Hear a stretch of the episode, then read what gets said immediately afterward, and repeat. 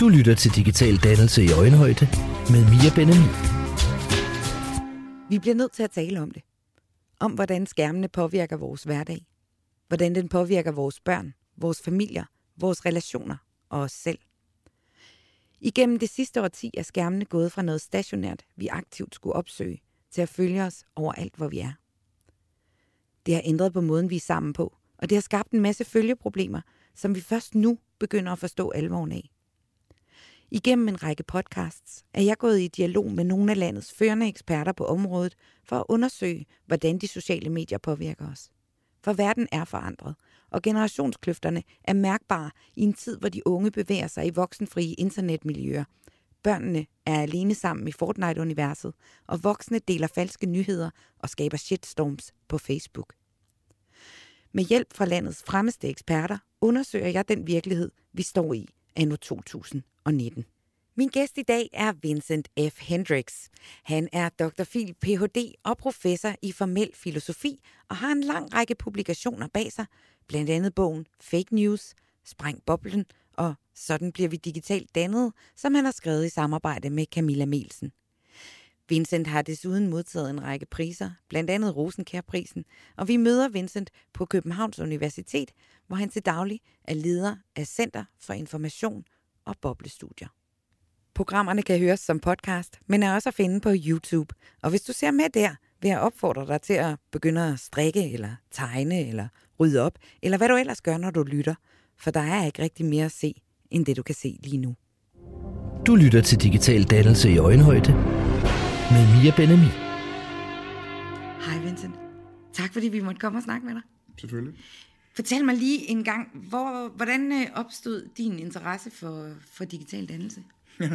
ja, den kom så faktisk af to ting. Øhm, den ene var en, det ene var en situation, hvor jeg var nede, på, på, nede i Roskilde til en workshop, der var dernede, hvor vi diskuterede vilkårene på de sociale medier, og bobbeldannelse, og shitstorms, og digital mobning, og alt muligt andet. Og hvornår har det været? Ja, det har været for, det er nok to og et halvt år siden nu her.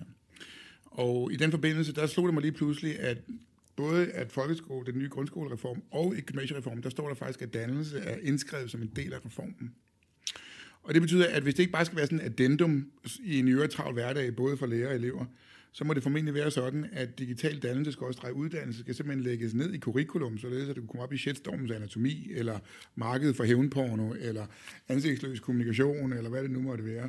Og, og, altså, at vi simpelthen skal lære om det i skolen. Ja, det bliver en del af vores curriculum, dybest set, men både ikke kun for børn, men så sandelig også for voksne, fordi at vi jo alle sammen nu viser i en digital tidsalder.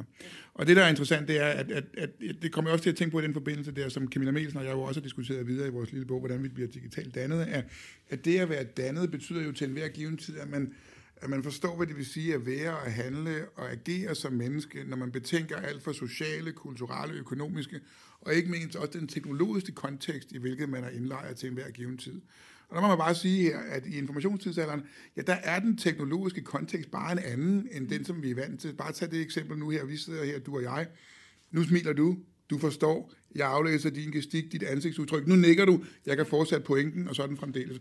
Den form for kommunikation har vi været vant til, og den har vi kurateret igennem 250.000 år, formentlig så længe, som vi har været mennesker, og i hvert fald inden, så længe vi har været homo sapiens. Og for den betragtning må man sige, at nu skal vi på de sociale medier have den samme samtale, hvor jeg har min hånd foran dine øjne, og jeg kan ikke se dig, og du kan ikke se mig, og jeg er i tvivl om, at jeg bliver hørt. Og sådan så det er en lidt, lidt anden samtale, vi har? Ja, det er fordi, at jeg simpelthen ikke kan aflæse længere, din gestik, dit ansigtsudtryk. Jeg er ikke sikker på, hvad der er fællesviden længere, fordi vi, jeg, jeg kan ikke lige pludselig se, hvordan du reagerer på det, jeg siger. Så det der almindelige stimuli-responsspil, som i vid udstrækning betinger interpersonel kommunikation og forståelse, ja, det er simpelthen berøvet os på de sociale medier. Og dermed er det ikke så mærkeligt. Ansigtsløs kommunikation. Ja, vi har en form for ansigtsløs kommunikation, og det betyder så også, at vi, dels har vi ansigtsløs kommunikation, dels kan vi tale en, ikke en til en, men en til mange, mm. og til mange, hvor nogle af dem er dem, vi kender, og nogle vi ikke kender. Vi kan også lige pludselig, det kan også lige pludselig være sådan, at vi kan begynde at spekulere i, hvad folk de gider at bruge deres tid på online. Og der er jo nogen, der kan finde på at spekulere i det for os, fordi de rangordner vores newsfeed på bestemte måder. Det betyder, at vores kommunikative hverdag er simpelthen forændret med de sociale medier, og det betyder så også noget for vores forståelse af, hvad det vil sige at være det almindelige menneskelige og leve i det. Og den kombination fik mig til at blive interesseret i det her spørgsmål om digital dannelse. Ja. Har du selv, øh, altså, det skal ikke være nogen hemmelighed, jeg har prøvet at, at finde dig på de sociale medier. Er du der, altså udover på Twitter, med en bog? Ja, vi, altså, Infostorms har en Twitter-profil. Ja. Og det har Reality Lost også, har også en Twitter-profil. Ja. Og jeg har da en skyggeprofil. Ja. Øhm, så jeg ved, hvad der foregår, men jeg er ikke aktiv på de sociale medier på den måde. Hvordan kan det være, du har, har, har valgt det fra? Det er der to grunde til. Den primære årsag er, at jeg har ikke lyst til at være en, en del af det der casino, som de sociale medier dybest set gør selv. Øhm, det er den ene element af det. Og det andet element af det også, at jeg har ikke behovet. Altså i den forstand at forstå, at jeg har ikke brug for en megafon til offentligheden, hvor jeg kan proklamere alt om, hvem Vincent er, så personer er det. Bemærk lige, at at når jeg går ud og jeg er i pressen eller på anden vis, så er det jo dybest set som professor i filosofi med dette eller hin budskab, eller med denne eller hin bog, eller med dette eller hin forskningsprojekt. Og det er i og for sig det, som jeg bruger offentligheden til. Og resten holder jeg for mig selv. Jeg er et relativt privat menneske, så jeg har ikke behov for, og jeg har stor respekt for dem, der har det, det er slet ikke det. Men jeg har ikke behov for at skulle broadcaste mit liv og levende til en større offentlighed. Det, det er ret sjovt, og det, og det har du aldrig haft. Nej. Det, det, det, det er lidt sjovt så at sidde og snakke med dig, fordi jeg er jo altså den diametrale modsætning. Siden øh, øh 2006, så har jeg været virkelig social på de sociale medier. Og det har været en stor del af, af mig, og sådan min, min opfattelse af mig selv, at have det her øh, second life. Er det noget, du har, har, har mødt meget i dine studier? Jeg har i hvert fald mødt det noget, og jeg kan huske nogle år siden, der var jeg, der var jeg værter til rettelægger på en mængde programmer, der hed Kontrovers, som var øh, sådan et debatprogram, som vi optog i Arre, på Arres, mens debatten med Clement havde sommerferie. Og i den forbindelse, der lavede vi noget omkring øh, Facebook. Mm. Og der var der en blogger, der hed Nadia Pass, som var med til den diskussion der. Og Nadia havde en meget sjov pointe, som jeg godt kan se.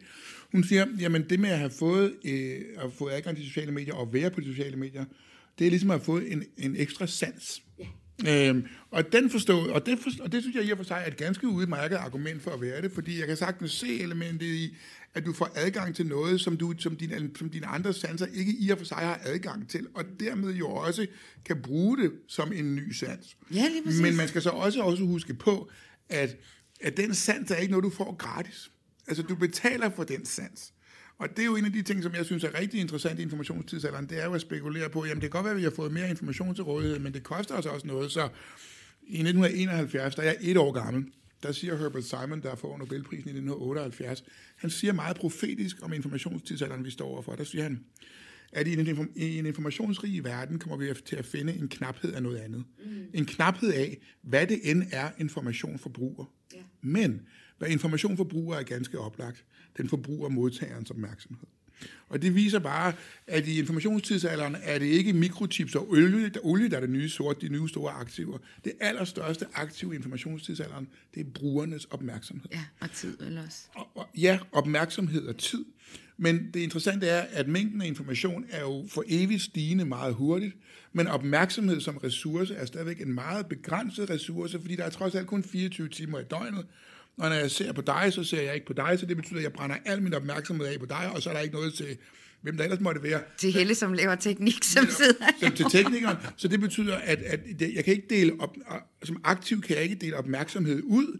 Jeg kan heller ikke spare resten sammen til en regnværsdag. Så det betyder, at når jeg bruger den, så bruger jeg det, det hele på noget, og dermed ikke på noget andet. Og det er jo en del af forretningsmodellen på de sociale medier. Det er derfor, du har begrebet FOMO, Fear of Missing Out, er simpelthen som resultat af, at opmærksomhed som aktiv eller ressource har den egenskab, at den er et nulsumspil, som du bruger, når du bruger den, og en meget begrænset ressource. Og derfor vil det selvfølgelig være sådan, at der vil være nogen, der spekulerer i, hvordan man allokerer opmærksomhed, når mængden af information er så stor, som den er. Og derfor går der spekulation i det, og derfor er det sådan, at man kan få folk til at gå i bestemte retninger, og alle bekymrer sig om Donald Trump, eller Kim Kardashian, eller Kanye West, eller hvem det måtte være. Og man kan spekulere i, hvordan og hvorledes man kan få folk mobiliseret online, dermed tage deres opmærksomhed og deres data, og så sælge det til dem, der gider at betale for det, nemlig annoncøren. Så du betaler under alle omstændigheder for din profil på sociale medier, fordi om ikke andet betaler du med din opmærksomhed, din data og din tid. Og det er den allerstørste ressource i informationstidsalderen. Det skal man lige betænke. Du lytter til Digital Dannelse i Øjenhøjde med Mia Benami.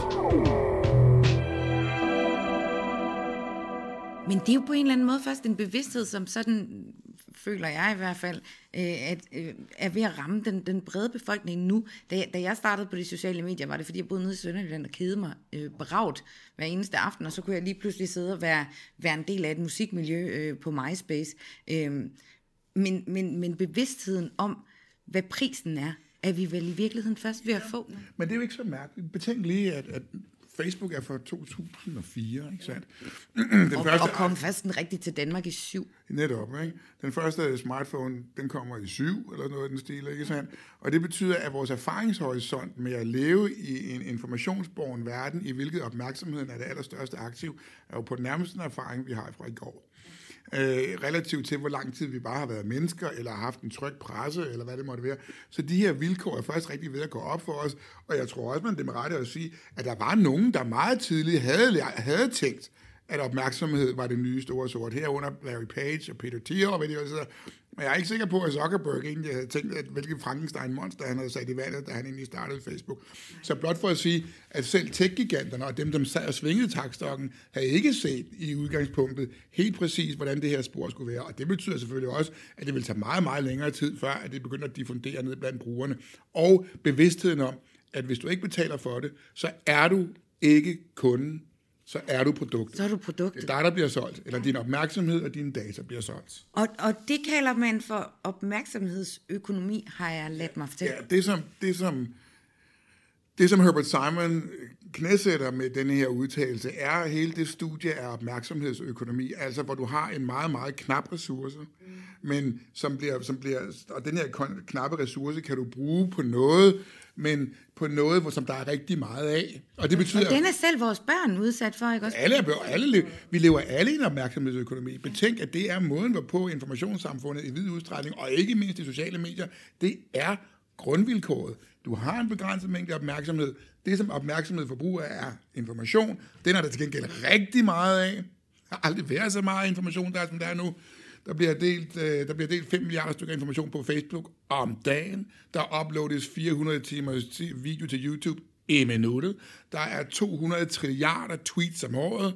Og du, her har du ikke betænkt studieportaler og Wikipedia og alt det andet information, du kan komme i nærheden af. Så aldrig har der været så meget information. Til gengæld er opmærksomheden meget knap, og dermed starter spekulationen. Og den erkendelse, den begynder nu at gå op for os alle sammen, at opmærksomhedsøkonomien er et grundvilkår i informationstidsalderen. Men, men Vincent, på et tidspunkt, så mm, udover at have opdaget øh, øh, øh, den digitale dannelse, så, så får du den her idé om, at, at Center for øh, Informations- og Boblestudier, det er langt ord, at, at det skal startes op. Hvor kommer, hvor kommer den fra? Ja, den kommer fra to øh, parallelle erfaringer, jeg gør mig lidt. Tidligere øh, i 2012 er det sådan, at min søn, Milton, som på det tidspunkt er 12 år gammel, kommer med en historie ned fra skolen, hvor, en af, hvor han har overtaget en, en, en Instagram-profil, øh, som havde 3.000 følgere. Den overtager han en fredag fra en af hans venner. Nå, men under andre omstændigheder, så kommer Milton og fortæller mig, øh, at øh, om tirsdagen, hvor han får den her profil om mandagen, eller om, om, om fredagen, at han får den her overtaget den her profil med 3.000 følgere på Instagram, og jeg har sådan, og hvad så? Jo, siger han så, så om lørdagen, der er vi inde på strøget, der møder vi nogle rappere, som antageligvis er kendt i de pågældende kredse, og de tager nogle selfies og lægger den her op på Instagram-profilen. Og så går den over weekenden fra at have 3.000 følgere til 9.000 følgere. Sådan der. Og det er jo, hvad det er. Men det interessante er så, som Milton siger, pointerer, det er, og ved du, hvad der skete i skolen i går, far? Ved du, hvad der skete? Anton, han ville gerne købe profilen for penge. Og det betød, at lige pludselig var der så meget social kapital i den pågældende profil, at den også var hård kapital værd. Mm. Og der gik klappen op for mig og tænkte, det bliver jeg nødt til at forstå. Ja. Jeg bliver simpelthen nødt til at forstå, hvordan og hvorledes noget kan konverteres fra en social kapital, som antageligvis er et eller andet værd, men om ikke andet i lyset af social kapital i forhold til andre, til hvordan den kan blive hård kapital, hvordan kan du konvertere den ene kapitalform til den anden. En anden historie, som også gør sig gældende, det var en af mine veninders datter havde været udsat for vederstykkelig digital mobning på noget, der hed Formspring hvor man kunne fortælle lidt om sin mening om det der, man kunne gøre det anonymt. Mm. Og i en, og en, Dem har vi også nogle af i dag, altså de der sider. Lige just, lige just. Men historien omkring det var, at, at, øh, at Monika, som hun hed, havde ikke gjort noget, men en af havde far, farlagtet af hende og hendes veninder nede i skolen troede, at hun havde skrevet en smede kommentar om den anden veninde der. Hvorefter hun skriver så tilbage, tak skal du have, Monika, vi ses på skolen om mand, på mandag. Og lige pludselig så væltede de her antisympatierklæringer over for Monika ind, og hun blev virkelig mobbet på de sociale medier, og hun hæv stikket ud og øh, droppede profilen og alt muligt andet. Hvorefter, at hun allerede der har tabt spillet, fordi enten så kan hun møde nede i skolen mandag, og øh, forsvare sig mod et narrativ, der allerede er blevet etableret om, hvor rædselsfuld hun er, eller også kan hun blive væk og være, og være skyldig ved associative action. Either way, så står hun ikke til at vinde, hun står kun til at tabe. Og det var en anden mekanik, som jeg blev nødt til at forstå. Hvordan man kunne lige pludselig mobilisere folks vrede så kraftigt, på baggrund af, at hun ikke havde gjort noget. Og, og hvad er det, der gør, at man kan det? Jamen, det er der mange studier af, der viser noget om. Men, men det giver anledning til, at jeg begynder at tænke, jamen, måske er det ikke kun penge eller aktiver, finansielle aktiver, man kan overophede og sælge for dyrt. Men man kan også gøre det med andet, nemlig hvis kronaktivet er opmærksomhed, så hvis du bare kan få folk til at allokere rigtig meget opmærksomhed til noget, så behøver det ikke at være sandt. Men derfor kan det jo godt være, at folk de bekymrer sig om det, således fake news og misinformation og alt muligt andet, fordi det lever i et informationsmarked. Og det var det, der gav anledning til, at jeg etablerede Centret for Information og Bobbelstudie på baggrund af en bevilling, som jeg fik fra Carlsbergfondet. Du lytter til Digital Dannelse i Øjenhøjde med Mia Benami. Hvis vi lige skal prøve at forklare, hvad de her bobler går ud på. Ja. Fordi boblestudier, det, altså, det lyder meget hyggeligt og sådan lidt uh, fluffy. Ja. Ja, men det er jo langt fra floppy. Altså, hvis, hvis vi, når vi tænker på bobler, så tænker vi på enten på noget, der er i fadbamser eller champagne. Og hvis vi ikke tænker på det på de to måder, så tænker vi på det eller sæbebobler for den sags skyld, så tænker vi på det som, hvis vi tager som et mere akademisk begreb eller fagligt begreb, så tænker vi på bobler på situationer i finansverdenen, hvor aktiver, lad det være boliger eller aktier eller andre fantasifulde finansielle produkter som derivater eller optioner, handles til priser, der langt overstiger deres fundamentale værdi. IT-bobler. Og... Ja, netop. Øhm, og, og, men der overopheder du et eller andet finansielt aktiv på den ene eller på den anden måde, eller forventet efterbevilling om, at det er med at være. Men øh, det interessante i informationstidsalderen, og du lever i et informationsmarked, er, at det er jo ikke kun penge eller øh, finansielle aktiver, du kan overophede. Du kan også overophede folks opmærksomhed, i den forstand, at alle lige pludselig bekymrer sig om, hvad vil jeg, udlændingestramningen, smykkeloven for eksempel, som var et stærkt politisk signal at sende, men som kun er blevet brugt fire gange, og der er formentlig kun blevet indkasseret for ca. 75.000, men derfor kan man jo godt komme på forsiden af Washington Post og Le Monde og alt muligt andet, fordi det tiltrækker rigtig meget opmærksomhed, ikke mindst vrede, og Danmark blev associeret med alt fra nazitid til holocaust i den forbindelse der. Øhm, Lad os lige oprive situationen. Ja, men hele, hele historien omkring udlændingestreg, øh, undskyld, smykkeloven, det er jo, at man begynder at konfiskere smykker fra flygtninge, der drager ind over den danske grænse. og der er ikke nogen klare retningslinjer for, hvornår og hvor meget det så skal være, før man begynder at inddrage. Nej, men de må ikke have nogen værdier på sig, som kan omsættes. Over et eller andet, men det er meget uklart, hvad et eller andet er, fordi som Søren Pind, der var daværende justitsminister, sagde, jamen det er jo kun, hvis folk de kommer trampen ind over grænsen med en kuffert fuld af diamanter. Og, og så var det, at Clemens sagde, er det det bedste eksempel, du kan komme med? Men blot for at sige, at det var ret uklart, hvordan den her pågældende skulle håndhæves i øvrigt. Det var Søren Pind, som det også udmærket godt bekendt med. Men verden, der kiggede på os? Men verden, der kiggede på det, tænkte jo bare, jamen hvad sker der dog for dem, altså? Og tilsvarende også den store, første store shitstorm, som Danmark var ude i, ja, det er jo hashtag Marius, ikke? Øh, det var med den her giraf. Det var med girafungen op i zoologiske have. Obduceret til undervisningsbrug, og så kunne man komme og se det. Det var egentlig en god nok idé, ja. men den gik rimelig galt. Jamen altså, den, den grundlæggende idé er jo, at, at grunden til, at Mario skulle slagtes i første omgang, det var jo, at at den havde en DNA-profil, der ikke plejede, der ikke passede med de øvrige dyr i den zoologi, Københavns Zoologiske Have. Og hvis du ikke kan få afsat dyret til andre zoologiske haver i Europa eller andet sted i verden, så er det fuldstændig standardbetragtning. Altså det er en standardpraksis, at man slår det pågældende dyr ihjel.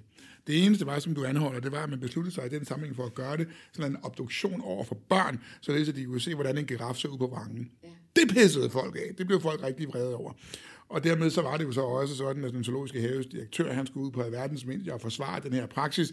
Men det, som folk blev vrede over, var noget andet, end det, som sagen egentlig drejer sig om, nemlig at man slår dyret ihjel, fordi det er standardpraksis. Det har man også gjort med løverne. Så det var der ikke noget nyt i. Men det, som der har vist sig at virke, og det ved man noget om, nemlig, hvad er det for nogle, hvad er det, hvordan, er det, hvordan kan det være, at nogen historier har tendens til at få et viralt liv på nettet, og andre ikke har. Mm. Og Jonah Berger, som er marketings professor på The Wharton Institute i Pennsylvania, lavede en interessant undersøgelse for nogle år siden. Han skrev en lille bog, der hed Contagious, How Ideas Spread Online. Ja, smitsomhed, hvordan, hvordan idéer spreder sig online. Og der viser han, at hvis du kan fodre ind, han klassificerer en mængde nyhedshistorier fra, fra, fra New York Times, og finder ud af, at hvis du kan fodre ind i folks det, man kalder aktivitetsmobiliserende følelser. Så hvis du spørger en psykolog, så vil han sige, der er, øh, en psykolog vil sige, at vi har to slags følelser, positive og negative. Det er den ene akse, og den anden akse er, hvorvidt at de pågældende følelser er det, man kalder aktivitetsmobiliserende, eller det, man kalder aktivitetsdemobiliserende. Så for eksempel, hvis du skriver ud på Facebook, jeg er så glad i dag, det er der ingen, der gider dele. Fordi glæde eller lyk- lykkefølelse eller lyksalighed er en positiv aktivitetsdemobiliserende følelse. Det er jo bare en tilstand, jeg er i. Men hvis du skriver ud, det er simpelthen også for galt med alle de indvandrere, der vælter ind over grænsen. Det gider folk godt at dele, fordi vrede er det, man kalder en negativ aktivitetsmobiliserende følelse. Den animerer mig til at gøre et eller andet, til at dele, til at kommentere, til at reagere. Ja. Og dem har vi relativt mange af i vores følelsesregister, altså negative aktivitetsmobiliserende følelser, vrede, indignation, angst, forarvelse og den slags ting. Dem har vi rigtig mange af i vores følelsesregister. Hvis du spørger en evolutionsbiolog som Lone Frank for, om hvorfor, så vil hun sige, at det er meget forståeligt, fordi det er godt til overlevelse. Altså jeg sidder lidt og tænker på, om jeg kan finde et, et eksempel på, på sådan en, en love storm, der, der sådan ligesom har spredt sig af sig selv. Det er svært. Ja, men de findes, men de findes typisk, de positive aktivitetsmobiliserende følelser. Det er sådan noget som ærefrygt og fascination. Mm-hmm. Det er sådan noget som sympatifølelse. Det er håb. Ja. Det er, der er sådan en 4-5 stykker af dem. Og de, de, man kan godt finde candy storms nogle gange, men de optræder relativt sjældent. Så når jeg skal promovere den her podcast, så skal jeg simpelthen indgyde til håb? Jamen, hvis, ja, ja, hvis du vil gøre det med en positiv aktivitet, mobiliserende følelse, men du kan også vælge at trække linjerne hårdt op, ja. og sige, jeg har fået, Vincent Hendricks er en idiot, og jeg har en hel time med ham her. Altså, ja. blot for at sige... Prøv lige at høre en gang. Prøv lige at høre, hvor åndssvær han er, ikke? Øh, det vil formentlig nok, nok være en bedre salgsstrategi end det andet, og det hænger sammen med, at så kan folk jo være enige i, ja, Vincent Hendricks er en idiot, eller uenige, under alle omstændigheder genererer det trafik og opmærksomhed. Og i en opmærksomhedsøkonomi er der ikke noget, der hedder god og dårlig opmærksomhed. Der er meget af den, og der er lidt af den. Vi vil bare gerne have nogle klik. Ja, så hvis du ikke kan være andet på de sociale medier, så husk at være sur for en sikkerheds skyld. Ja, men, men det, som jeg er bange for, når, når man er sur på nettet, det er jo, at der er nogle andre, der skiller ud. Jamen, og sådan er det jo. Altså fordi, fordi det er også derfor, at tendensen, der er, en, der er sådan en fortælling om, at tonen på nettet er hård, og det ja, er den tit og ofte også, ofte også. Og det hænger jo blandt andet sammen med, at måden hvorpå, at, at, at, at kommunikationen fungerer online, det er jo, at, at noget af det er jo, meget af det er jo tekst og emojis og billeder og alt muligt andet, men der er noget, der er meget mere let fordøjeligt og lettere at danne sig en mening om en andet. Så billeder er rigtig godt, fordi det kan folk danne sig en mening om sådan der. Ja. Og I skal huske på, at, at det, det, hele, en, hele ideen om de sociale medier er jo også baseret på en del om, ideen om, at det skal gå hurtigt, og der skal generere trafik, for det skal generere data, og de data skal vi så bruge til at profilere og sælge og gøre ved. Så det betyder, at der er en interesse i at få dig til at svare hurtigt, ja. og at vende tilbage.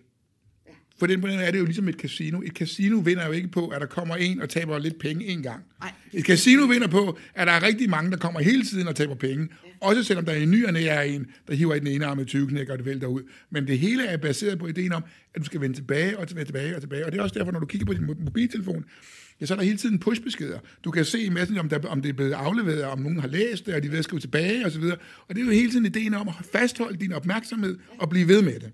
Jeg har sådan en funktion på min telefon faktisk, hvor jeg kan se, hvor mange pickups jeg har lavet på, altså på en dag. Så advarer den mig, når jeg for eksempel har lavet 15 pickups. Lige just. Ja. Og det er jo ud for betragtning om, at det er simpelthen en, en, det er en social roulette, hvor du hele tiden skal være med. Og det er grundbetingelsen. Og det er også derfor, det er jo også derfor, at, der bliver, at det, det er jo en del af spekulationsmodellen på de sociale medier. Det er en del, en, en del af en måde at gøre os til mere og mere produkter, end vi i forvejen var. Og tænk lige på det her. Ikke? Hvis jeg nu kom til jer og sagde til den her udsendelse, så skal jeg høre, hjemme hos mig har jeg lavet en rigtig god butik. Nede i kælderen har jeg lavet en masse hylder. Hmm? Der kan lige være et menneske på hver hylde. Nu smider jeg hver af jer op på en af hylderne, og så tager jeg jeres opmærksomhed, og jeg tager jeres data, og så sælger jeg den til nogen, som I ikke kender. Har I ikke lyst til at komme ind til mig, og stå nede i kælderen, så vil I jo formentlig sige, ej, ellers tak. Ej. Men det er jo faktisk blandt andet det, der er et grundvilkår i dag, som bruger af de sociale medier. Og det betyder så også, at... Og det er et grimt billede, Vincent. Ja, men det er jo desværre nok også et sandt billede. Vi er også andet, skal man huske på. Vi er også producer af information. Vi er også videresender information. Men vi er også produkter ved samme lejlighed.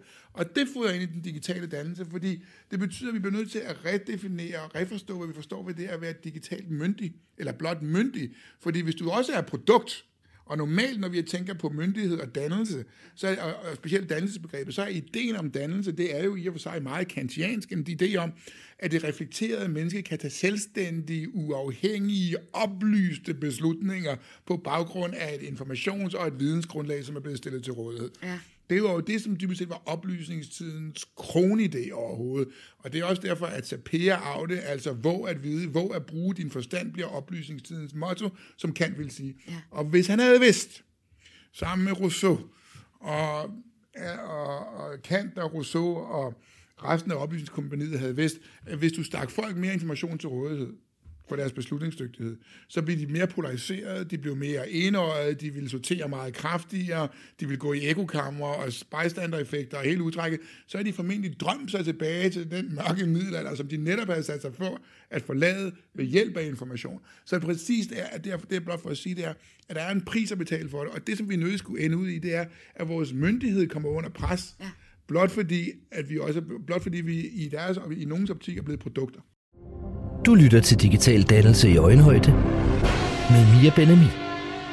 Men står vi i samme situation, som vi gjorde ved, ved, ved sidste oplysningstid, hvor, hvor, øh, hvor målet ligesom var, at vi skulle have, have dannet den her store øh, del af bundebefolkningen, som øh, ikke anede noget som helst om, om Gud, Kong og Fæderland. Altså, er det der, vi er i forhold til den digitale Nej, dannelse? og fordi du ved, nogle gange, altså, du ved, jeg, jeg er jo ikke maskinstormer.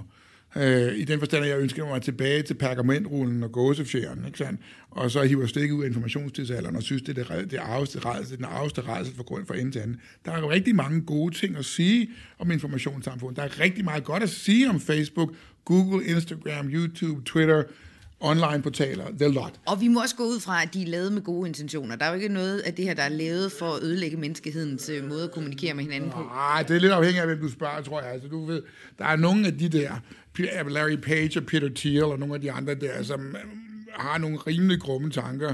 Øhm, og ikke mindst Google har været ude og melde nogle ting ud, hvor man tænker, er I sikre på, at det er en god idé for menneskeligheden? Altså overvågnings, overvågningskapitalisme er jo et af eksemplerne. Ja. Uh, Google Assistant og, og, og Amazon Echo og de andre med, hvor du bare smider en, en, en, en mikrofon op hjemme hos folk, og så kan de bare lege som panter, og så tager vi deres data, deres opmærksomhed, og så sælger vi dem produkter i øvrigt. Altså, det er jo overvågning, og det er jo ikke nødvendigvis noget, som vi betænker er noget godt for vores myndighed, så, så jeg tror ikke, det er helt sådan, at der er nogen, der har spekuleret på den kedelige måde i det her ting. Det er der ingen tvivl om. Men det, jeg vil bare, jeg anholder, som Camilla og jeg anholder i vores lille bog, hvordan bliver vi digitalt dannet, det er jo, at der, vi kan jo ikke løbe fra informationstidsalderen, det skal vi heller ikke, og vi kan ikke hive stikket ud, det er for at blive. Men vi skal sikre selvfølgelig fremover, at vores myndighed og vores digitale dannelse er i overensstemmelse med de principper, som vi gerne vil have, at menneskeheden skal leve i overensstemmelse med, og hvordan vores demokrati skal udvikle sig og andet. Og det er en ny, nye vilkår, og vi bliver nødt til at gentænke måden, hvorpå at empati, tillid, myndighed, ansvarlighed og alle de andre begreber, som faktisk stadig udgør dannelsens grundtop, mm. kan gensikres eller generobres, hvis de kommer under pres. Og det må man sige på nogle punkter, de er. Så det vi siger egentlig i forstand, det er, at enhver te- ny teknologi har det jo med at bringe nogle børnesygdomme med sig. Sådan ja. har det været hver gang. Ja. Og det gør informationstidsalderen også. Så lad os nu prøve at tage de her børnesygdomme i opløbet, opløbet inden de går hen og bliver kroniske. Ja. Og det kræver vores refleksion. Det kræver vores digitale dannelse. Ja, fordi det er vel i virkeligheden også nogenlunde en situation, som dengang vi... Øh, altså, jeg kan huske, da jeg var barn, så måtte man ikke se for meget fjernsyn. Så var det ligesom det, der var tidsrøveren. Og det er vel på mange måder også øh, sådan noget, vi står i. Ja, jeg tror. Bare i langt højere grad og, og meget mere omfattende. Jo, altså jeg tror, man kan sige, at den måde, hvorpå vi tænker dannelse i bogen der, og også i det der digitale uddannelsesprojekt DUDE, som vi har fra Trykfondet, det er ved at sige, at man, der, du ved, det at være digitalt dannet, det, der er en del elementer, der indgår i det. En, et element det er, at man forstår informationsmarkedet, struktur, og måden, hvorpå man er både borger, og man er, man er produkt, og man er producer, og man er videresender, og man er alt muligt andet. Og så også en forståelse for, hvordan og hvorledes for eksempel sådan noget som normer kommer i stand. Hvad er gode normer? Hvad er dårlige normer? Ikke sandt? Hvad er det for nogle slags leveregler, vi skal efterleve? Så, så dannelse går på to ting. Det går både på oplysning, men det går også på, det går på oplysning i en ende og forståelse og information, og så går det også på den proces igennem, hvilket man reflekterer over sin egen situation som en borger, der forstår sig på det almindelige menneskelige. Så det er dels oplysning og proces. Og det er igen igennem hvilket i synergieffekten mellem generationerne, fordi det er jo ikke sådan, at min generation skal komme og fortælle den yngre generation, det er sådan, I skal opføre i den digitale tidsalder, fordi hvis jeg spørger dem at være god på Instagram og Twitter og Facebook, så er de formentlig meget bedre i det, end jeg er. Og det betyder, at dannelsen kommer til at ligge i synergieffekten mellem generationernes afretning og oplysning og diskussion med hverandre. Det er den eneste måde, du kan få et robust dannelsesbegreb i en digital tidsalder. Så der skal simpelthen bygges broer mellem, mellem generationskløfterne? Ja, og der skal også, ja, og vi skal, og vi skal møde til at demontere fordommene om, at, øh, at den næste generation er så meget so me, ikke sandt? Men hvor vi skal hen, det er jo egentlig so we i stedet for. Men det kræver jo igen den her synergi fik mellem generationerne, for, for det overhovedet kan komme til at blive. Og det der so we, Vincent, Vincent det skal vi nok få øh, forvent, fordi det synes jeg er, er, øh, er ret vigtigt. Men man kan, snakke, altså man kan jo alt efter hvor, hvor, hvor gamle vi er, og hvorhen vi er i vores liv, og hvornår vi er begyndt at bruge de sociale medier, og med hvilken bevidsthed, så mangler mange af os jo en eller anden form for, for opdragelse. Øh, vi er digitalt uopdragende, øh, har jeg sagt i nogle af mine foredrag.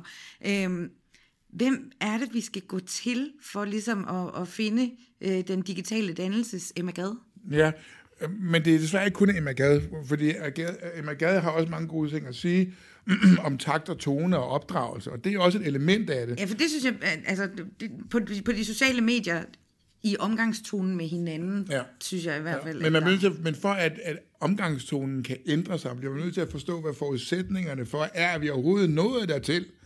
Og hvad det er, der betinger, at vi kan få en sådan omgangstone på nettet, hvor vi kan finde på at forfølge hinanden og lave shitstorms og digital mobning og alt hvad det andet ved at stykkelivisere billeddeling uden samtykke og umbrella-sager og hvad vi har.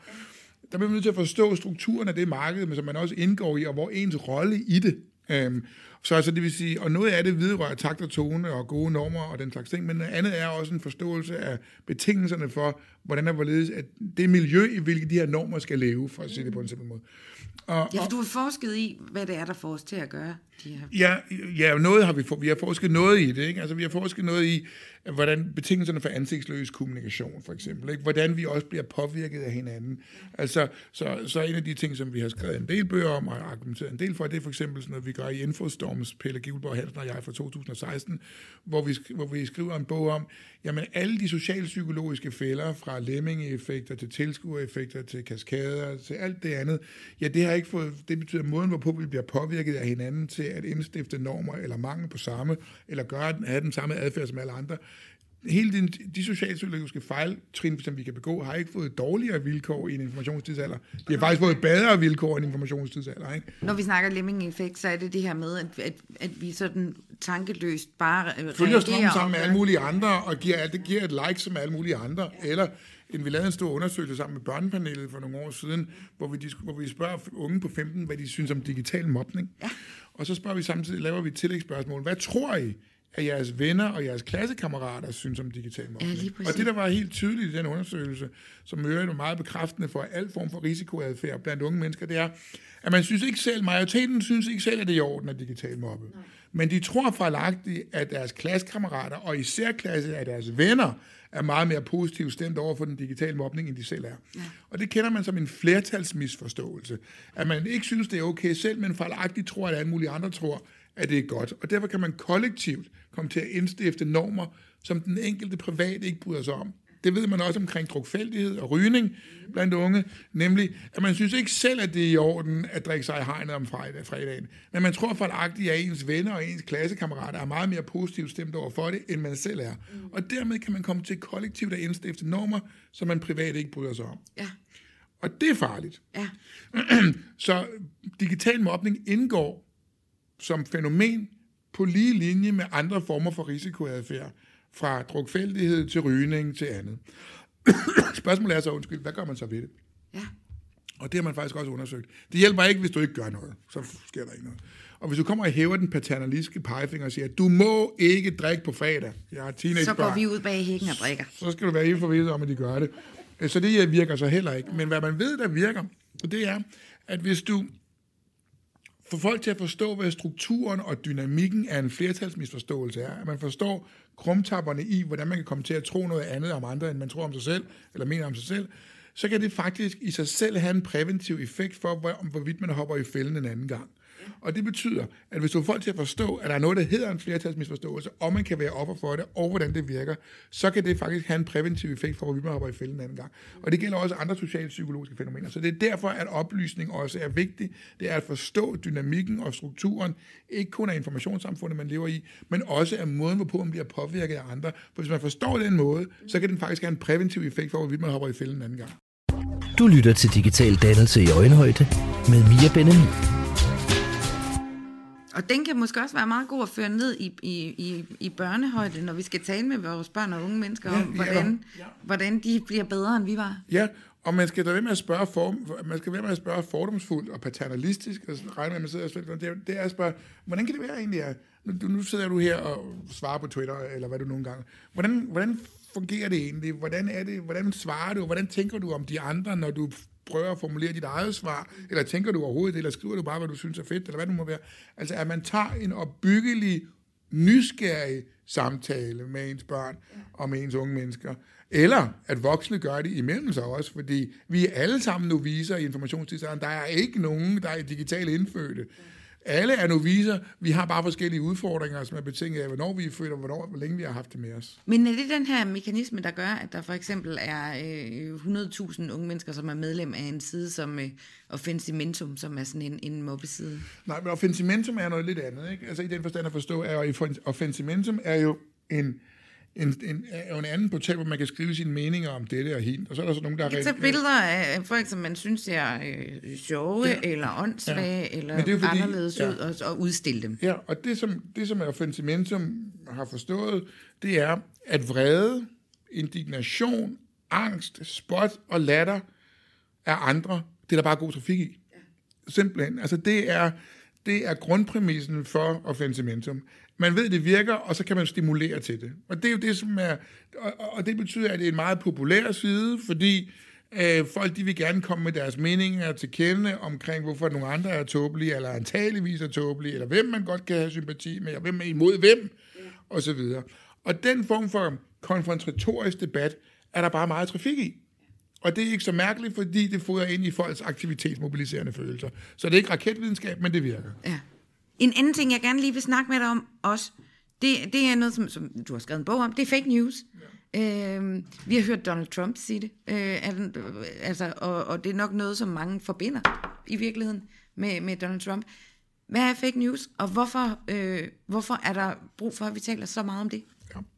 Altså Mads Vestergaard, min phd studerende jeg har skrevet en bog sidste år, der hedder Fake News, når virkeligheden taber. Den er så også kommet både på tysk og på engelsk, og nu på vej på spansk. Og Sådan der. Ja, det er meget fint. Øhm, men det, som er vores grundpræmisse i den bog, det er at forstå, hvordan opmærksomhedsøkonomien, som vi har talt om her, virker. Og det interessante med fake news, det er, at vi også definerer, hvad fake news er.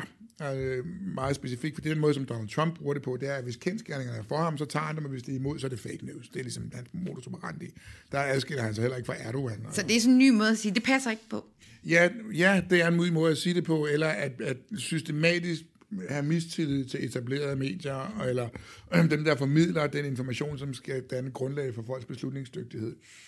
Øh, Det er han ikke den eneste, der har gjort. Det har Erdogan også gjort i Tyrkiet, ikke sandt? Altså, så der, er- det er set før, det har, det har man også set i, i, i Sydamerika. Altså, det er den stand... Ja, det findes altså. Man kan sagtens finde det. Nå, men pointen her, det er at sige, at, at det, som vi argumenterer for i bogen, som det også har vist sig at være videnskabeligt belæg for, det er, at der findes et marked for nogle rigtig dårlige informationsprodukter, som ikke er sande, eller kun tilnærmelsesvis er sande, eller betoner sandheden på en bestemt måde, eller betoner falskheden på en sådan måde, samtidig med, at de allokerer rigtig meget den her meget, meget begrænsede ressource, der hedder opmærksomhed. Og fake news er et dårligt informationsprodukt, men som har den egenskab, at det kan tilrane sig rigtig meget opmærksomhed, og dermed spille en stor rolle alt fra i den offentlige debat til demokratiet. Og grunden til, at vi betoner det, det er fordi, at en af de ting, når vi vender tilbage til oplysningstiden, der var jo, det er jo der, hvor vores forståelse af demokrati jo egentlig bliver født i den moderne forståelse af, hvad demokrati er. Der er det jo sådan, at ideen er at give folk mere information og viden til rådighed, så tager de bedre beslutninger. Men det betyder, at information og demokrati er tæt forbundne lige pludselig. Fordi det, der kvalificerer borgernes myndighed, beslutningsdygtighed og autonomi, er jo en information, som de kan lægge til grund, som er kvalificeret og kvalificerer deres beslutningsdygtighed. Og det vil sige, at hvis du kan pille ved den information, så kan du pille ved demokratiet. Og det er det, vi har set i for eksempel i, i, i det amerikanske valg, ikke sandt, som vi er bange for i forbindelse med de forestående valg i Europa, som allerede har været. Vi har et Europaparlamentsvalg næste år, vi har et valg i Danmark, vi har lige haft valg i Frankrig, der har været valg i Tyskland og sådan fremdeles. Og derfor er man selvfølgelig bange for fake news fordi, og misinformation, eller det, vi kalder i bogen, fake news, den bedste danske oversættelse, det er jo egentlig fingerede nyheder. Altså noget, der tager sig ud for at være en lødig nyhed, for et etableret medie, eller for noget, der måtte minde om et etableret medie, men viser sig ikke at være det. Og, og det er ikke så mærkeligt, at demokratiet er meget sensibelt over for misinformation, dybest set fordi det er det, der er grundlaget på vores kvalificerede beslutningsdygtighed. Og husk på, at siden 2013, gentaget i 14, 15, 16, 17 og for fem måneder siden, eller lidt over, lidt over næsten et år siden nu her, i 18, der har World Economic Forum været ude at sige, at misinformation på nettet skal nu anses som en global udfordring på lige linje med klima, migration, flygtninge, verdensomspændende sundhed, ulighed og resten. Det er derfor, at det er, så galt, det er så galt, som det er. Og hvorfor? Fordi misinformation kan være med til at grundstøde styreform, som vi sætter stor pris på.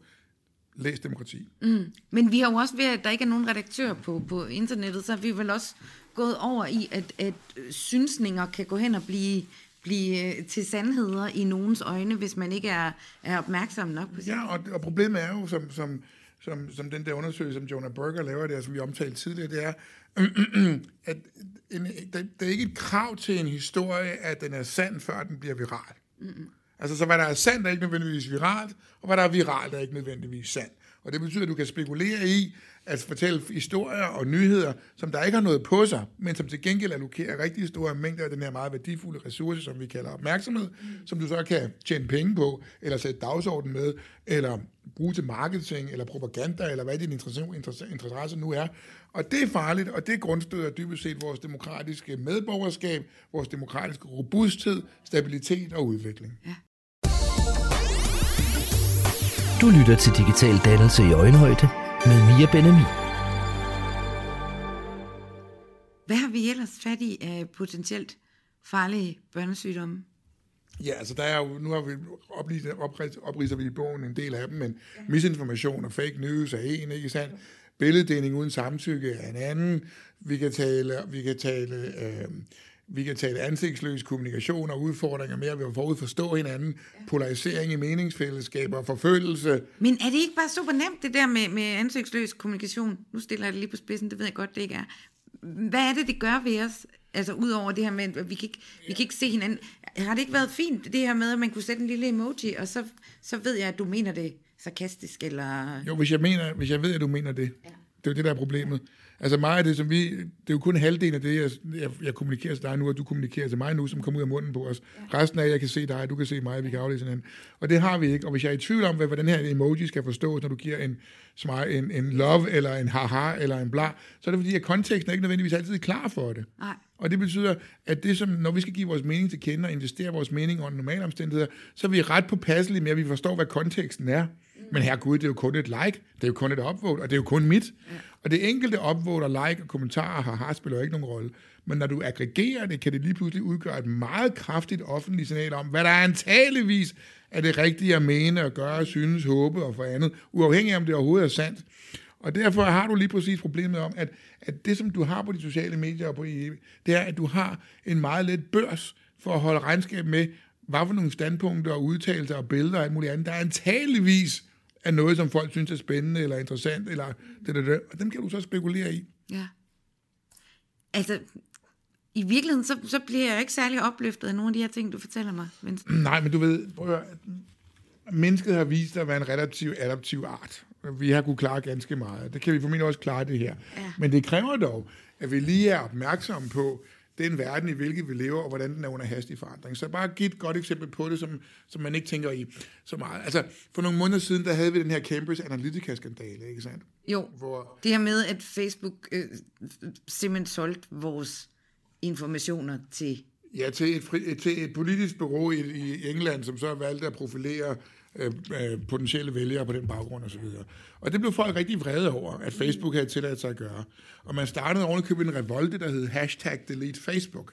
Og hvor foregik den hen? På Facebook. På Facebook. Det kan jeg godt huske. Ja. Netop. Mm. Og det interessante ved den historie, det er jo lige præcis, altså, det siger noget om, hvem der ejer det offentlige rum. Så er det offentlige rum ikke noget, hvor vi kan mødes, hvor alle har lige adgang. det offentlige rum er noget, som lige pludselig er på private hænder. Mm. Men normalt, når vi tænker på det offentlige rum, så tænker vi på det som et offentligt gode. Noget, som vi som samfund er, alle sammen er med til at etablere og vedligeholde. Tænk sig, hvis det lige pludselig skal være sådan, at det er på private hænder, at det er tech der beslutter sig for, hvem der kan deltage i den offentlige diskussion, afhængig af, om du har en Facebook-profil, afhængig af, om du bliver hørt, afhængig af, hvor langt du kommer op i newsfeedet, afhængig af, hvor mange venner du har, afhængig af dit netværk, afhængig af, så er det jo lige pludselig ikke et offentligt gode længere, som alle har lige adgang til. Så har nogen lige mere adgang end andre. Fordi en interessant opmærksomhed, man skal have omkring opmærksomhed, det er, at der er den historie om derude, at fordi vi alle sammen har fået en adgang til sociale medier og kan oprette en profil, så kan vi også alle sammen blive hørt, og det er godt for den demokratiske samtale, og øh, nettet at det har en demokratiserende effekt. Det vil også være sandt, hvis det forholder sig således, at opmærksomhed på nettet var normalt fordelt. Altså at størstedelen af os kunne allokere lige meget opmærksomhed hos de fleste andre. Men det sådan, er sådan er det ligesom med økonomi ja, i den ja, virkelige verden, at nogen har bare bedre forudsætninger. Ja, at, at, at opmærksomhed på nettet som ressource fordeler sig ikke normalt. Den fordeler sig som en potenslovsfordeling, og det betyder, at få store aktører sidder med størstedelen af opmærksomheden, og så må alle andre komme til fadet, når de store har været ved bordet. Og tendensen er, at dem, der i forvejen er store, bliver endnu større. Så hvad gør Facebook, når de føler sig truet? De kører Instagram, de kører WhatsApp. Hvad gør Google? De kører YouTube. Og hvad gør Amazon.com? De kører Washington Post. Ja. Eller nærmere Jeff Bezos, der ejer aktiemajoriteten i Amazon.com, han kører Washington Post. Så er det i princippet ikke kun bånd og bænder og bøger længere. Nej. Så er det potentielt også politiske produkter. Og det havde Trump regnet ud, fordi for seks måneder siden, der blev han jo sur på Washington Post over et eller andet, de havde skrevet om ham. Og det gør han jo rutinemæssigt. Men i stedet for at gå efter Washington Post direkte, så skrev han ud et tweet om fredagen om, at Amazon.com lavede konkurrenceforvridende virksomhed i forhold til udbredning af pakker i forhold til United States Postal Services. Og hen over weekenden, da børsen åbner mandag morgen, der har Amazon.com mistet 60 milliarder dollars i aktieværdi. Det siger noget om det her komplicerede økosystem, i hvilket vi lever. Og det betyder også, at en del af den, af den, af den digitale dannelse er, har jo altså også et lovgivningsben. Vi kan ikke undgå at lovgive os ud om det. Så er det rimeligt, at du kan sælge bånd og bændler og bøger, og også i princippet sælge politiske produkter, eller skal vi begynde at tænke i antitrust? Altså, at du simpelthen ikke, der er begrænsninger på, hvad du må eje og have magt over. Tilsvarende, hvordan kan det være, at verdens største, største gratis skrivende avis, nemlig Facebook, som har 2,2 milliarder gratis skrivende journalister, som ikke skal opsvare tilbage til medieansvarslov og god presseskik, men som kan det samme som Washington Post og New York Times og BBC og CNN, uden at de er underlagt medieansvarslov og god presseskik. Måske skal man til at regulere, at et newsfeed, et newsfeed for eksempel, ja, det skal svare tilbage til medieansvarslov og god presseskik, ligesom BBC, ligesom Politiken, ligesom Information og Berlingske. Du lytter til Digital Dannelse i Øjenhøjde med Mia Benemi. Og så skal vi vel også be- altså tænke rigtig meget over, hvem vi lader bestemme over os. Altså Pippi-loven må gælde her, at den, der er meget stærk, må også være meget god. Ja, og det er der ikke, som forretningsmodellen ser ud på de sociale medier. Det, men... Ja, som forretningsmodellen ser ud på de sociale medier nu, er der ikke noget, der tilsiger det. Nej. Vel? Altså, fordi skal på, forretningsmodellen, det er, det er også derfor, at, at jeg anser for eksempel sådan en som Margrethe Vestager som værende en helt ende af de helt store. Hun tager kampen op mod monopolerne, og selv hvis du er liberalistisk indstillet, massivt liberalistisk indstillet, så bryder du ikke om monopoler. Fordi, hvorfor ikke? Fordi monopoler er dårlige for konkurrencen og for, flere, og for pluralismen. Og det betyder, at der er en grund til, at det er vigtigt at knække monopolerne op, således at vi ikke får fem store aktører, som dybest set sidder på 90% af al trafik på nettet, ligger hos fem aktører. Det er ligesom Thomas Pikettys kapitalen, nemlig at 1% af verdens befolkning ejer 50% af koderne. Og så må de resterende 99% kæmpe om den, de resterende 50%. Det giver anledning til ulighed af massiv karakter, og det er også derfor, at ulighed anses som en global udfordring, fordi den skævvrider simpelthen fordelingen af goder på en måde, som gør, at samfundet bliver antirobust og, og skrøbelige. Og tilsvarende har vi på informationsmarkedet. Det er ikke sundt, at der sidder nogle store mastodonter og tech-giganter, som dybest set styrer markedet, fordi det er dårligt for pluralismen, det er dårligt for det, det er dårligt for infrastrukturen, og det er dårligt for den beslutningsdygtighed, som selv staterne kan have. På nogle punkter har Facebook jo mere magt end den danske stat. Vincent, jeg, jeg er fuldstændig skræmt fra videre sandt, og, og vi har kun øh, godt 10 minutter til, at du får mig til at og sådan lande nogenlunde igen ja. på, at det nok skal gå. Ja. Sig noget ja, godt. Ja. Jamen, det, det, det kan man jo også godt. Øh, altså, jeg skal ikke bare sidde og tegne dystopien op, fordi jeg synes, det er morsomt. Men Nej, fordi... men det er vigtigt, at vi forstår alvoren, og, og det, er, det er bestemt en alvorlig situation, ja. vi står i. Ja. Øh, vi kommer til også at have i den her række af programmer, vi snakker både med psykologer og med, øh, hvad skal man gøre som forældre, og, og jeg prøver at hjælpe. Ja. Men du bliver også nødt til, ja, ja, du er den kloge mand her i, ja, det ved jeg ikke, om jeg... i firmaet. Men, men man kan sige, at der er der er flere indsatsområder. Der er noget lovgivningsmæssigt, som skal på plads, således at strukturen af informationsmarkedet bliver ændret noget. Hvor skal det ligge henne? Jamen, det skal ligge hos dem, der har muller. Og dem er der altså nogle af. Ja. EU har muller. Ja. World Economic Forum har muller. OECD har muller. FN har muller. Ja. Og nogle af dem, der har de store muskler, bliver nødt til at gå sammen og sige, der er begrænsninger på, hvad vi tillader. Derfor for eksempel GDPR-lovgivning er et godt, en god måde at starte på, øh, som, som Margrethe Vestager og EU har været i stand til at indstifte. Det er et rigtig godt sted at starte. Vi kommer til at tænke i noget i antitrust, altså at der er begrænsninger på, hvor store monopoler må være, før de bliver splittet op. Der vil være noget omkring medieansvarslov, som også skal til at gælde dem, som kan det samme, som de etablerede medier, men ikke har underlagt det. Mm-hmm. Der er noget digital dannelse af os som borgere, en forståelse af informationsmarkedets struktur, hvordan normer kommer i stand, flertalsmisforståelse af socialpsykologi på speed og alt det andet. Der er noget, som hidrører politiske tiltag, blandt andet til lovgivning, og så er der, og, og, øh, og så er der også alt fra fagprofessionelle i skoler og på uddannelser, til, til at den enkelte borger også bliver nødt til at spekulere i, jamen, hvad er det, der karakteriserer mig som borger? Hvad er det, jeg ikke kan borttænke som borger og stadigvæk være der? Og en af de ting, man ikke kan borttænke som borger, det er ens myndighed. Mm-hmm. Det er vigtigt for os, også i vores selvforståelse, at vi anser os selv som myndige. Og hvis du kan fornærme folk på rigtig meget, og hvor de tænker, det kan jeg jo ikke gøre noget ved. Mm-hmm. Men hvis du, begynder at, hvis du begynder at fornærme folk på deres begavelse og på deres myndighed, så er tendensen, at de bliver sure. Ja. og af gode grunde. Og lige præcis, det skal vi være mærkt, lige præcis, det skal vi også bruge til at, til så at sige, at, at, at komme ud i vores selvforskyld, ja, ja, og komme ud af det, som, som kan, kan af vores selvforskyldte myndighed, ja eller selvforskyldig umyndighed, Myndighed, ved ja. blot at følge det, som vi tror, at alle andre synes er det fede, selvom vi ikke har tænkt os om. Ja. Og det betyder at sapere af det, hvor at vide, hvor at bruge din anden for, egen forstand, og nogle gange kan du også være med på det ret simple. Er det vigtigt, at jeg har en mening om det her? Ja. Men en ting er, at det bliver lagt over i skolerne, og vi gør det der, og i uddannelsesinstitutionerne, så har vi ligesom reddet de, de fremtidige generationer. Men, men, men hvad med alle os, der er ude af uddannelsessystemet? Nå, jo, men der er jo også andre aktører i det her, som spiller en rolle. Den etablerede presse spiller jo også en rolle, ikke sandt? Stimulerer de til polarisering, eller stimulerer de til til mere interpersonel og inter, interkulturel forståelse? Kan de lægge pres på politikerne? Kan borgerne lægge pres på politikerne om, at jeg vil eje mine data? Hvorfor skulle jeg ikke eje dem? Selvfølgelig skal jeg eje dem. Og sådan fremdeles. Så man kan sige, der er jo også noget, som man selv kan gøre, som et, et menneske, der gerne vil være myndigt, og ikke vil underlægges andres luner og tech lidelser, hvis det er det, vi taler om. Så, og så spekulerer I også, jamen, er det, er det, er det, de betingelser, som jeg afgiver, de informationer, som jeg afgiver hver dag, når jeg er på, med, på de sociale medier, vil jeg afgive dem til min nabo? Formentlig vil svaret være nej. og, og, og, og, det, og tilsvarende, er det, er, det, er det rimeligt, man bliver nødt til også at forstå selv, når man, vi, de måder, du kan lukke Facebook af på, således at de ikke får adgang til dine data, dem skal du ned og grave i og sætte de flueben, selvom det er dødbesværligt. Ja. Fordi, øhm, og det bliver nødt til at læse de forordninger, under hvilke du må gøre der på de sociale medier. Hvad må man, hvad må man ikke? Og så skal man se, om man kan følge dem. Og det bliver kurateret og redigeret og administreret med meget lemfældighed, men der er også noget, som hidrører os som mennesker selv, og selv sætter os selv i have. Selv sætter os selv til regnskab. Ja. Det er også en del af det. Så vi skal nok komme igennem det her. Ja. Men det er, nu, at vi skal, det er nu, at vi skal begynde at støbe kuglerne, inden at vi kommer til at få en form for en, en helt ny form for teknokrati, hvor der sidder nogle ganske få aktører, som bestemmer, beslutter, hvordan resten af verden skal se ud. Ja. Og hvis der er nogen, der har magt, så er det de sociale medier.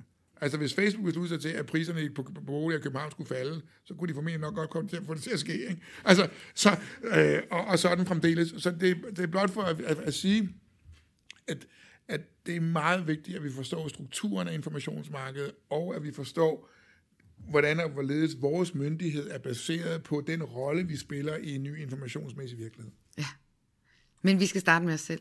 Ja, vi skal ikke kun starte med os selv. Der er noget lovgivning, som er politikerne er ansvarlige for, ikke sandt? Der er også noget samarbejde med de sociale medier. Vi kan ikke bare anse dem som fjenden, og så regne med, at det går godt. Og så er der noget omkring, øhm, så er der noget omkring uddannelse og dannelse. Ja. Vincent, øh, jeg er glad for, at du lige fik, øh, fik os tilbage på, øh, på rette spor her til sidst. Det er virkelig spændende, det her med den digitale dannelse. Jeg plejer altid lige at slutte af med at og, og sådan, øh, øh, give lytterne mulighed for at kunne finde dig bagefter, hvis de gerne vil vide noget mere om, om alt det her kloge, du har sagt. Hvor skal man finde dig? Jamen altså, der går man jo bare ind og skriver Center for Information og Boblestudier, og så på Google, og så kører rejsen. Kommer der en litteraturliste? Så kommer der en litteraturliste frem. Vincent, du skal have tusind tak, fordi du ville bruge noget tid på mig. Tak fordi jeg måtte. Podcasten er støttet af Bibliotekarforbundet og er optaget og redigeret af Helle Ansholm. Du lytter til Digital Dannelse i Øjenhøjde med Mia Benami.